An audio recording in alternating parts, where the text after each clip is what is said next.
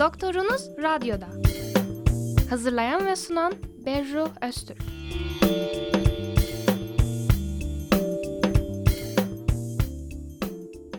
Herkese selamlar, merhabalar. Trakya Üniversitesi Radyosu Radyo Güne Bakan 106.2 frekansındasınız. Ben Doktorunuz Radyo'da programı yapımcısı ve sunucusu Berru Öztürk. Bize ulaşmak isterseniz e-posta adresimiz radyogünebakan.trakya.edu.tr Türkçe harfler kullanmadan radyogünebakan.trakya.edu.tr Bugün ülkemizde tüketime gittikçe artan, kullanım yaşı düşen, her yıl binlerce insanın ölümünden sorumlu sigarayı konuşacağız. Sıkı takipçilerimiz, dinleyenlerimiz hatırlayacaktır ki daha önceki programlarımızda Sayın Ethem Hoca ile sigarayı genel hatlarıyla konuşup irdelemiştik.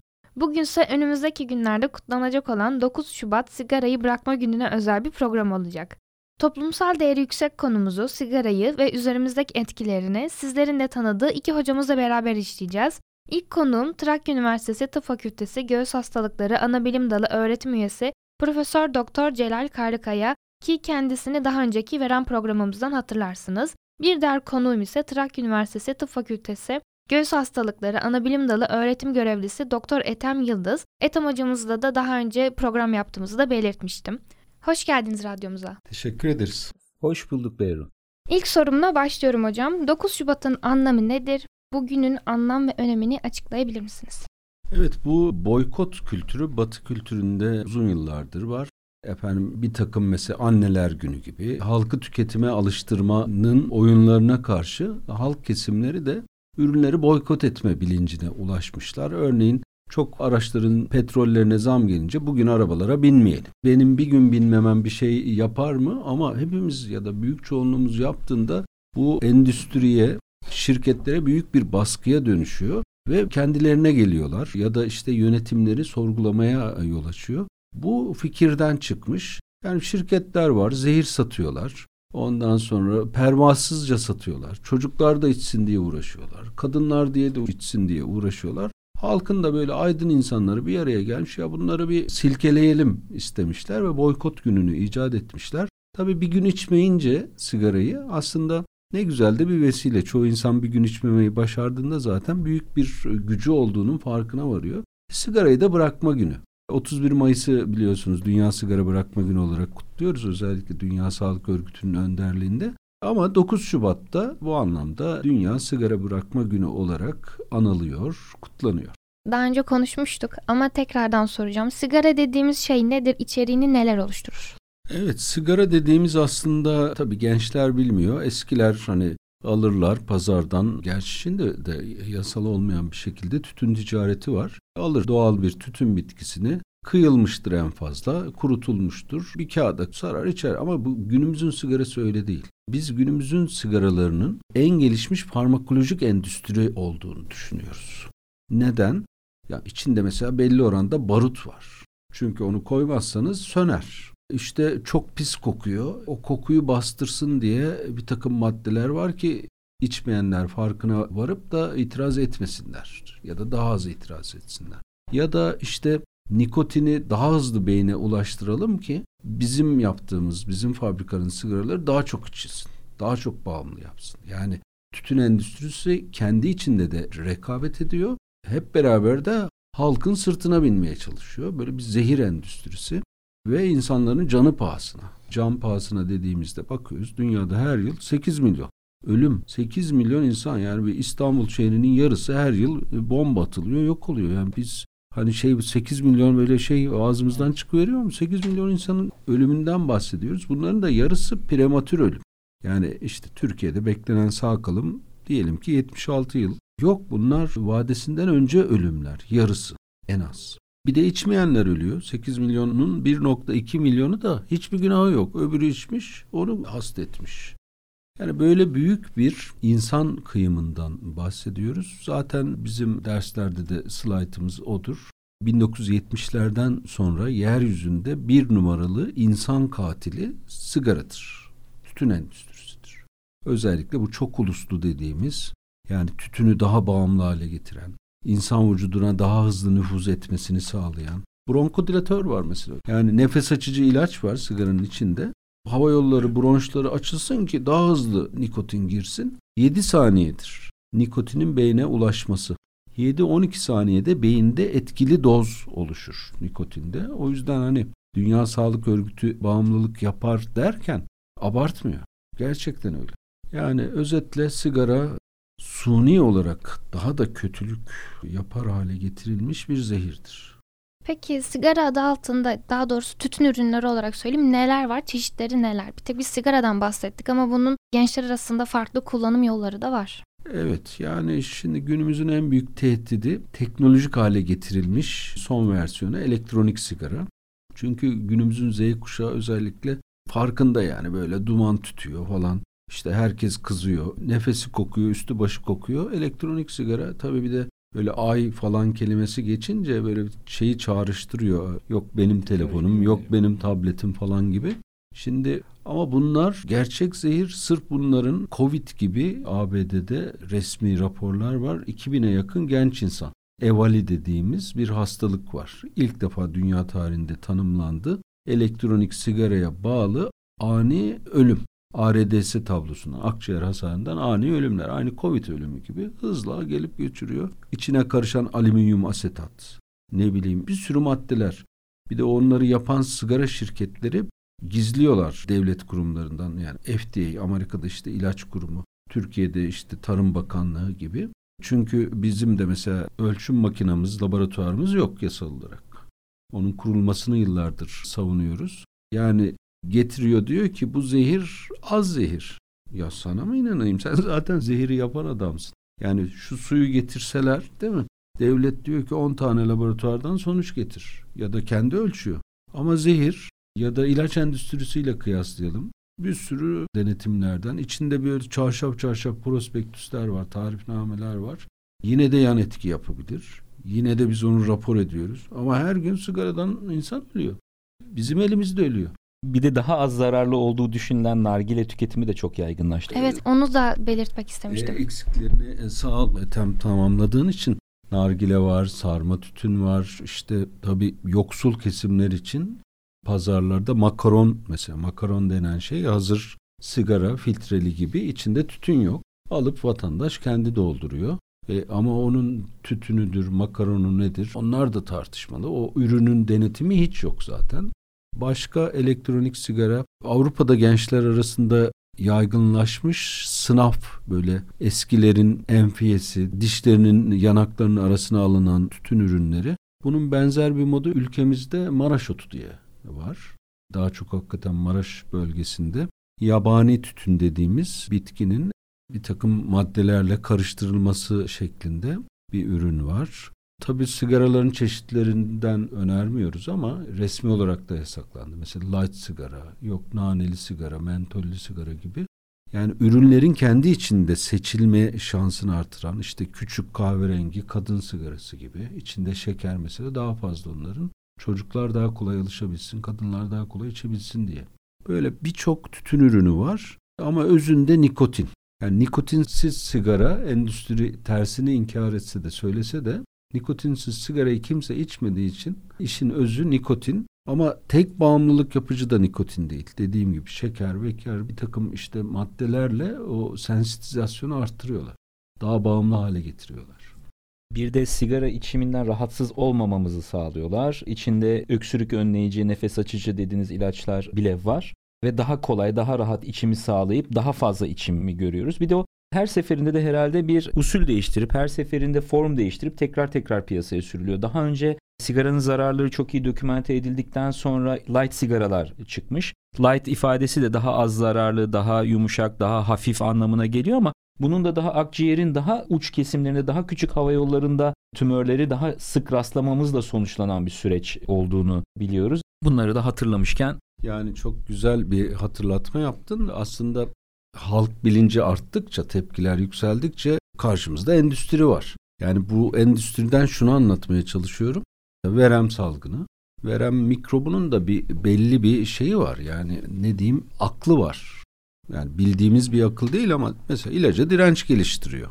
Siz doğru şekilde tedavi etmediğinizde. Ama bu endüstri hani doğal bir düşman sivrisinek gibi, verem bakterisi gibi değil. İnsan zekası var. Ve bizden daha fazla argesi olan, altyapısı olan insanlar. Yani Biz karşı çıktıkça onlar nasıl yapalım da daha çok satalım ya da bu zararı nasıl azaltalım diye uğraşıyorlar. Bu tepkiler işte ilk başladığında filtre icat ediyorlar. Hmm. Mesela onu da bir pazarlıyorlar. Asbestli e, filtre ilk bir yıl civarında, altı ay civarında asbestli millet kanser patlaması yaşanıyor resmen. Sonra anlıyorlar ki asbest çok tehlikeli. Bizde bile biliyorsunuz 5-6 yıl öncesine kadar kullanıldı. Endüstri tamamen yasaklanmış durumda şu anda.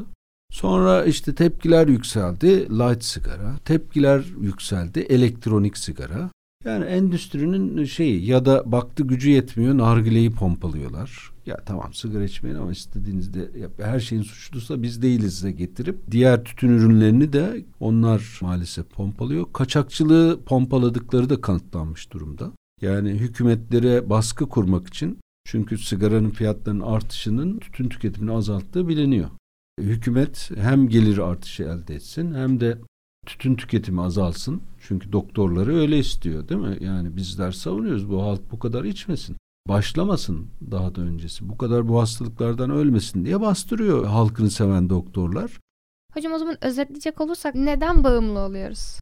Neden bağımlı oluyoruz? Yani hepimizin bağımlılıkla ilgili altyapısı farklı. Neden bağımlı oluyoruz? Bir kere bu maddeyi denediğimiz için bağımlı oluyoruz. Bu maddeyi denememiş olsak bağımlı olmayacağız. Bu maddeyi vücudumuz nikotini yani sigarayı, tütün ürünlerini artık ihtiyacı gibi algılamaya başlıyor ve bir kısır döngüye giriyoruz. Burada düşünerek yapabileceğimiz şeyler de kısıtlanmış oluyor. Mesela hastalarımızda sigara bağımlılığının bir hastalık olarak tanımlandığını da hatırlatmakta fayda var. Hastalarımızda ben galiba iradesizim, ben galiba bu işi beceremiyorum, ben olmuyor ya benden, bırakamıyorum gibi bir kendini suçlama eğilimi de gözüküyor. Hatta bu etraftan da suçlamayla, damgalanmayla maruz kalabiliyorlar. İşte sen bu işi beceremiyorsun, olmuyor, kaç kere denedin gibi. Bir kere ilk denemelerde başarılı olmak çok zor. Tekrarlayan denemelerde daha başarılı olunuyor. Çünkü ortada bir bağımlılık var. Bu güç bir süreç. İkincisi bu iradeyle değil, gerçekten beynin yapısıyla, vücudumuzun yapısıyla ilgili karmaşık psikolojik, fizyolojik yapıları içeriyor ve bir kere bağımlı olduğunuzda bunu bir eksiklik olarak tanımlayıp hep arzuluyorsunuz, istiyorsunuz.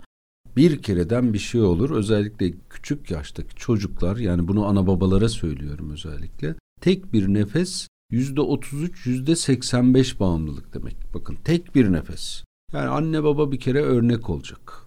Ve çocukları kimlerle arkadaş diye takip edecek. Doğru arkadaşlar. Doğru yani spora yöneltin, sanata yöneltin, müziğe yöneltin. Yani dar bir arkadaş ortamı başka bir özellik ve yetenek yerine böyle bağımlılıklara yönelmiş bir arkadaş ortamı çocuk için çok büyük tehlike.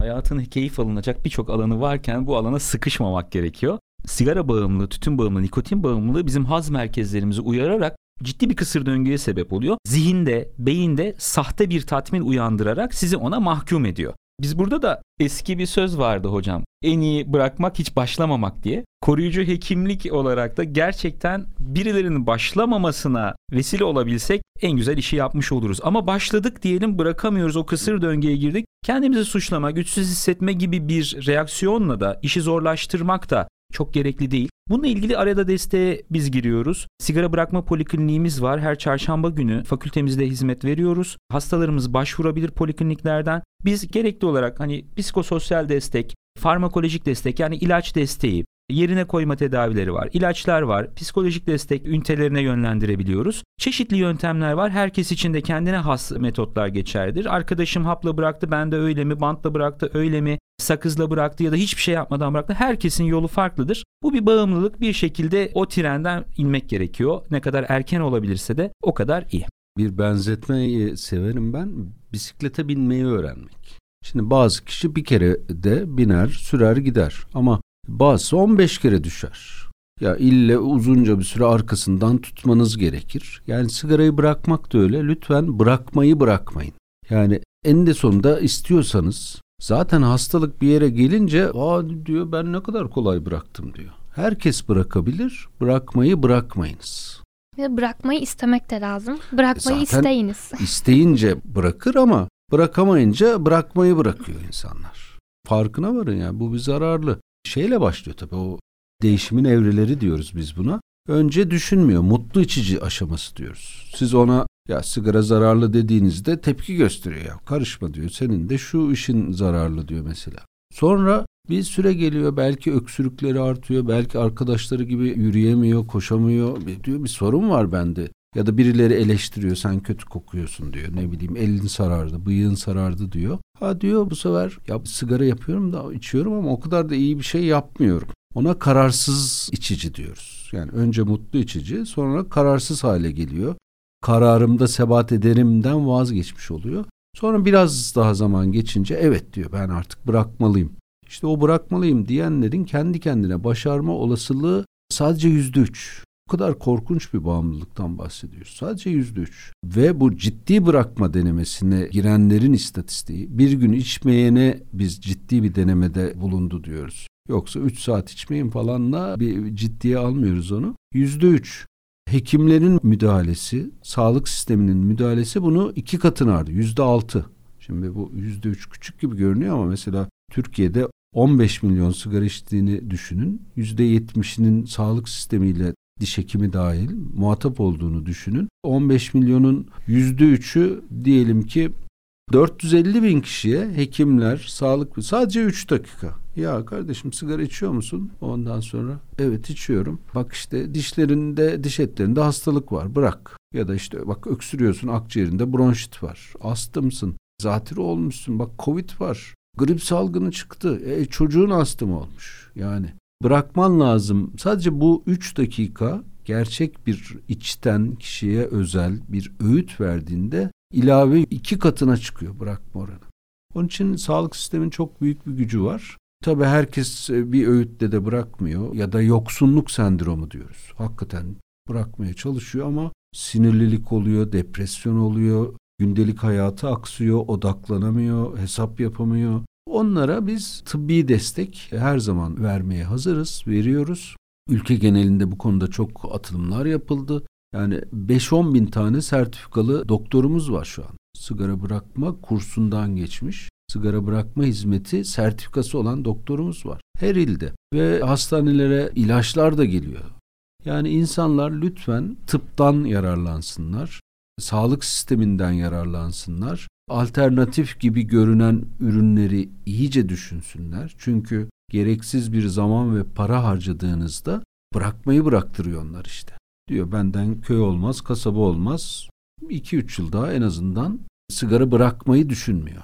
İstemiyor. Onun için biz doğru bir hamle olarak Dünya Sağlık Örgütü'nde önerisi Empower stratejilerinden en önemlisi sigara bırakma hizmetlerinin topluma sunulmasıdır. İşte üniversite olarak ilk sigara polikliniğimizi 2000 yılında açtık. Türkiye'nin 22 yıl önce Türkiye'nin ilk açılan sigara bırakma polikliniklerinden birisiyiz. Tabii bu bir uzun koşu. Şimdi genç neferimiz, taze nefesimiz Ethem'le birlikte daha da hizmeti arttıracağız.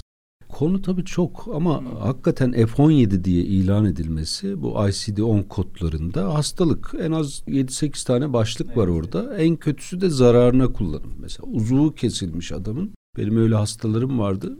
Önceleri anlamıyordum bu kadar ağır bir psikiyatrik bozukluğu. İki ayağı kesilmiş, ciğeri patlamış, tüp takmışız. Hastanede üçüncü gün sigara krizinde taburcu olmak istiyor. Ya kardeşim ya bu halde nereye gideceksin? İçemediği için tutamadığımız, ikna edemediğimiz böyle hemşirelerle falan hastalar gördük, yaşadık. Akciğer kanseri ya da gırtlak kanseri gırtlak deliğinden duman çekiyor. Kalp krizi geçiriyor, çıkıyor. Üç gün sonra yoğun bakımdan sigara içiyor. Bu kadar ağır bir bağımlılık. Bu da zararına kullanım artık. Yani psikiyatride dibin dibi diyebileceğimiz bir nokta. Bir de tabii hani hazdan bahsettik ama yoksunluk sendromu da bir hastalık. Bu hastalık sınıflamasında yani insanlar tabii hazzı yanlış algılayıp yanlış kullanması ilaç suistimali dediğimiz alandan içiyorlar, bırakamıyorlar ama bir de yoksunluk sendromu. Yani zamanı gelip de içmediğinde nasıl karnınız açken artık başka bir şey düşünemez hale geliyorsunuz. Sigarasını içmeyince aklı fikri sigarada kalıyor. Ne yapacağım şimdi bak burası kapalı alan nerede içeceğim sigaram mı kaldı çakmak mı buldum yani vida gibi beynini o düşünceler işgal ediyor bu da bağımlılığı işte sürdüren bir mekanizma. Ben şunu eklemek istiyorum hocam. Şimdi hastalık olarak tanımlıyoruz ya sigarayı. Aslında bu da sonuçlarına doğru bizi zaten bir öngörü yani hastalıksa bunun sonucu iyi olmayacak. Bu belli bir şey. Bundan dolayı da insanları biraz çekinmesine sebep vermiş olabilir diye düşündüm. Şimdi hastalık tanımının tabii bizim açımızdan doğru yerde olması çok önemli ama bir farkı var burada. Bağımlılıklar içinde davranışsal zehirlenme yapmıyor sigara. Yani mesela alkolik bir insanı düşünün ağır alkolik fazla içtiğinde sarhoş sarhoş ortalıkta geziyor, abuk subuk konuşuyor, kontrolsüz yani davranış zehirlenmesi diyoruz. Siz hemen onu anlıyorsunuz. Zehirli davranışlar gösteriyor ama sigarada maalesef maalesef mi diyeyim onun sinsiliğinin özelliği bu. Yani öyle çok dışarıdan bir davranışsal hatta kişi sigarasını içemeyince agresif oluyor. Git de iç de gel diyorlar mesela. Yani yoksunluk sendromu daha çok davranışsal zehirlenme yapıyor. O yüzden halkın madde bağımlılıklarına bakış açısından daha tasvip edilebilir bir bağımlılık konumuna geliyor. Bununla ilgili şöyle bir cümle var. Dünyanın en büyük otoritelerinden birisinin cümlesidir bu. Sigara bugün keşfedilseydi biz ona en az en az esrar gibi muamele ederdik. Yani yasa dışı bir maddedir, insanlara zarar verir gibi bir cümleyi çok benimserim ben de. Peki hocam ben şunu soracağım. Bu insanlar nasıl başlıyor sigaraya? Ne zaman başlıyorlar? Herkes için farklı sebepler ya da farklı eğilimler olabilir bu konuda. Ama hakikaten şöyle akranlar arasında paylaşımının bir dezavantajı olduğu belli. Örnek alma belli. Rol model alınan kişilerin sigara içiyor olması bu konuda etkin olabiliyor. Yine aslında yasakların iyi bir işlev gördüğünü burada söyleyebiliriz. Bu konuda birinci tespit şu. Sigaraya başlayanların %85-90'ı 18 yaşından önce başlıyor. Yani bu pediatrik bir hastalık aslında. Şimdi çocuklar bir davranışı niye gösterir? 18 yaşın anlamı nedir? Mesela devlet diyor ki 18 yaşından önce kendi başına evlenme kararı veremez. Ehliyet alamaz. Seçimde gidip oy kullanamaz. Yani artık dünya tarihi böyle belli bir şey oturmuş bir bilgi tabi tartışılabilir. Günümüzün Z kuşağı bizden daha akıllı olduğunu da iddia edebilir ama insan beyninin gelişimi belli aşamaya kadar kararlarınızda hata payının özellikle riskli ya da sonuçların önemli olacağı kararları almada bir olgunluk gerektirdiğini kabul eder. 18 yaşından öncekileri hapse de atmazlar mesela kolay kolay. Değil mi? Yani suç sorumluluğu da öyle. O yüzden bu bir pediatrik sorun. İşte çocukları kandıran endüstrinin oyunlarından bahsettim. Bilinçaltı televizyonlarda, sublime, çizgi filmlerde çocuk kitaplarında, internet kanallarında, müzik kliplerinde sigara şirketlerinin çok aşırı aktivitesi var. Tabi bundan bir çocuk etkilendiğinde onun etkilediği akran grubu geliyor onu da etkiliyor. E yine aile yapısı yani günümüzün kültür ortamında çocuk bir yaştan sonra aileden tamamen çıkıyor tabiri caizse. Sosyal medya, online ve okul arkadaşlar yani anne babasının kültürlemesinden artık daha az etkileniyor. Yani toplumun toplam sosyolojisi de bağımlılıkların şiddetiyle ilişkili kapalı bir toplumsa bağımlılıktan daha fazla mesela korunabilir insanlar. Ya da maddi yönden ulaşma olasılığı azsa bağımlılıklardan daha uzak kalabilir. Çok faktörlü özetle. Yani insanları sen sigaraya bağımlı oldun diye de suçlamak büyük hata. Kişinin kendisini de suçlaması büyük hata. İlk zaten bizim sigara polikinde yaklaşımımız iradeni suçlamaktan, iradeni dövmekten vazgeç. Çünkü bu bir irade sorunu değil. Bağımlılık sorunu. Yani bağımlılık iradenin yetemediği durum demek zaten. İradeyle çözseydik zaten dünyada kimse sigara içmezdi. Ya aslında bu da hastalık olarak isimlendirmemizin yine geçmişinde kökenindeki nedenlerden biri. Sonuçta yine genetik etkeni de var dedik, çevresel olarak da dedik. Bundan dolayı kimsenin bundan kendini sorumlu hissetmemesi, suçluluk duymaması için biraz da sordum bu soruyu. Çünkü etkilenen bir sürü insan var. Hani gençliğinden yaşlısına mesela bazı yaşlılar böyle konuşuyoruz işte şey 15 yaşımdan beri içiyorum diyor. Artık alışmış onun hayatının bir parçası olmuş. Sanki o alınınca çocukluğu da mı elinden alınacak acaba öyle de belki bir düşünce olabilir ya da ailesinden biriyle belki özdeşleştirmiş onu da bilemiyoruz. O yüzden herkesin geçmişi farklı, başlama sebebi farklı. Hekimler olarak kimseyi yargılamadan sadece tedavi amaçlı biz yaklaşıyoruz. Bundan dolayı da herkes rahat olması, istekli olan dinleyenlerimizin rahatça gönül rahatlığıyla gelebilmesi için fakültemize onları destekliyoruz. Siz bahsettiğiniz gibi biz poliklinikte sigara bırakma bölümü açtık diye. Peki bu bölümde neler oluyor? Hastaları neler bekliyor? Şöyle bir iyi haberle başlayayım ben. Sigarayı bırakma zorluklarından bahsettik ama bunlar geçici. İyi haber bunlar geçiyor. Geçmez zannetmeyin bunlar kayboluyor. Haftalar içinde kayboluyor. Bir kısmı iki haftada, bir kısmı bir hafta, bir kısmı üç dört haftada. İnsanların çünkü şöyle endişeleri oluyor. Ya kilo alacak mıyım? Sinirli mi olacağım? Hiçbir şey anlamayacak mıyım? Şairin dediği gibi çekilmez bir adam mı olacağım ben böyle aksi? Bunlardan endişe ediyor insanlar bize başvururken ama bunlar geçici ve tedavilerle desteklendiğinde daha yumuşak bir geçiş olabiliyor ve kalıcı olmuyorlar. Bir süre sonra kayboluyorlar. Biz sigara bırakma polikliniğinde demiştik kişiye özel olarak kişinin hani bağımlılık gidişatı farklı olur, başlama sebebi farklıdır, bırakamama şekli farklıdır, zorlandığı şeyler farklıdır. Ama kişiye uygun en uygun olan tıbbi tedavileri bulup hastaya tatbik etmeye çalışıyoruz ve bunlarla da birçok sıkıntı daha kolay geride kalıyor. Hocam o zaman güncel bir soruyla geliyorum. Bu tütün çalışmasıyla ilgili yani daha doğrusu tütün kontrolüyle ilgili olarak ülke bazında neler oluyor? Gelişmeler, son durum neler? Evet yani Dünya Sağlık bir kere şunu söyleyeyim. Herkesin sigara nasıl mücadele edilir diye bir fikri var. Bu büyük bir zorluk yaratıyor aslında. Yani ortaokul çocuğuna da sorsanız işte sigara içmeyenlere bir ceket alalım falan gibi bir şey aklına mutlaka gelir. Ama tüm mücadelesi alanı bir bilim alanı. Empower diyeceğiz. Yani Empower şu, Dünya Sağlık Örgütü'nün kristalize ettiği strateji paketi. Monitörize edin. Yani kim içiyor, gençlere ne kadar kim satıyor, başlama hızları ne kadar, kimler bırakıyor, işte hamilelerin yüzde kaçı içiyor, doktorların, tıp öğrencilerin yani böyle özellikle önemli grupların tütünle ilgili durumlarını takip edin diyorlar. Türkiye küresel tütün araştırması ve küresel gençlik tütün araştırmasını düzenli yapmaya çalışıyor. Aksamalar olsa da güzel istatistiklerimiz geliyor. Onun dışında koruyun diyor. Demin Ethem Hoca yasaklar dedi ya, yasaklar kelimesine çok böyle yasak bakıyorum ben. Biz yasak değil. Herkes sigarayı gidip içebilir. Ama benim dumansız soluma hakkımı engelliyorlar. Yani bu bu yasalar, bu regülasyonlar haklar regülasyonu, haklar düzenlemesi. Hepimizin yani işte temiz su içme hakkım var değil mi? Temiz havayı da soluma hakkım var. Niye kirletiyorsun? Git başka yerde içiyorsan biz seni engellemiyoruz ki. Hatta koskoca üniversitenin önünde değil mi? Burada içilmez bas bas tabelaların önünde bile içiyorlar. E, gene ses çıkarmıyor insanlar aklı bir şekilde. O yüzden sigara içmeyenleri koruma yasaları demek P'si. O tedavi hizmeti sunun. İşte yapmaya çalıştığımız eğitim yapıyoruz, doktor yetiştiriyoruz, ilaçlar var. Dünya Sağlık Örgütü'nün temel yüz ilacından listede olan ilaçlar var vesaire. Araştırmalar var. Üniversitede daha iyi nasıl tedavi ederiz araştırmaları da bizim görevimiz aslında yapabilirsek.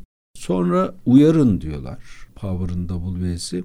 İşte sigara paketlerinin üzerindeki resimli yazılar, televizyon spotları, radyo spotları şu anda o işi yapıyor. Halkı uyarıyoruz biz. Yani bir yangın var yapmayın etmeyin. Ölüyoruz, can kaybımız var, mal kaybımız var. Uyarın demek ondan sonra. Vergiler yoluyla, R'si de vergiler yoluyla sigarayı daha pahalı hale getirin. İnsanları doğru ürünlere kanalize edin. Yani temel stratejiler bunlar çalışıyor. Hani daha fazla yapalım mı? Yapalım. Yani bir sürü şeyler var. Mesela Türkiye'nin ilk sigara davasını biz açtık. Sigara davası tütün kontrolünün atom bombası kabul ediyor. En güçlü strateji bu ama en karmaşık o. Çünkü elinde patlarsa kötü oluyor. Öyle yani e, savaşta değişik insanların ellerinde silahlar olmalı ki savaşa gidebilsin. O yüzden planlı, programlı, akıllı hazırlanıp hem birey bazında yani sigara bırakmak istiyorsanız hemen bıraktım olmuyor işte. Gidin doktora danışın, danışma hizmeti alın, ilaç alın, plan yapın. Bütün kaleleri birden fethetmeye kalkarsanız edemezsiniz. Mesela dün bir hocam geldi. Hem kilo verecek, hem sigarayı verecek, hem şu bilmem yeni tiroid hastalığı. Strese girmiş, panik atak. Yani bu yaşla da ilgili değil. Bizim beynimizin özelliği uyuşturucu, bağımlılık yapıcı maddeler hepimizi hasta edebilir. Hepimizi bağımlı edebilir. Genetik farklılıklar olsa da lütfen danışın, yardım alın, doğru yerden yardım. Programımızın sonuna geldik. Farklı açılardan sigarayı ve etkilerini konuştuk. Rica etsem küçük bir özet geçebilir misiniz hocam? Tabii. Sigara içenler sigarayı bırakmaya çalışmaktan çekinmesin, bunu gözünde büyütmesin, çabalamaktan da vazgeçmesin. İlk denemelerde sigarayı bırakmak gerçekten zordur. Sigarayı bırakmak da biraz zordur. Buna destek olmak için sigara bırakma polikliniğimiz var. Çarşamba günleri sigara bırakma polikliniğinde tıbbi destek veriyoruz. Bırakamadıklarında hastalar kendini suçlamasın, bir kere buna başladık diye suçlamasın. Çok fazla bununla ilgili çok fazla çözüm var. Sigarayı bırakabilirsiniz. Bizlere başvurun. Trakya Üniversitesi Tıp Fakültesi Göğüs Hastalıkları Anabilim Dalı adına Berru'ya bu program için teşekkür ediyoruz. Ben de katılımınız için teşekkür ediyorum. Geldiğiniz, zamanınızı ayırdığınız için, toplumsal bilincin oluşması, farkındalığın artması için tüm katkılarınıza çok teşekkür ediyorum. Bu hafta Celal hocamızla ve Ethem hocamızla beraber 9 Şubat sigarayı bırakma gününe atıfta bulunarak sigarayı konuştuk. Sağlığınız, çocuklarınız için lütfen sigara ve türevlerini kullanmayınız. Sizler de soru, görüş ve önerilerinizle programımıza katkıda bulunabilirsiniz. Bize ulaşmak isterseniz e-posta adresimiz radyogünebakan.trakya.edu.tr Türkçe karakter kullanmadan radyogünebakan.trakya.edu.tr Programımızı Spotify üzerinden de dinleyebilirsiniz. Ayrıca Power uygulaması ile bizi her yerden dinleyebilirsiniz. Haftaya pazartesi saat 10'da yeni konu ve konuklarla görüşmek üzere. Sağlıcakla kalın. Doktorunuz Radyo'da. Hazırlayan ve sunan Berru Öztürk.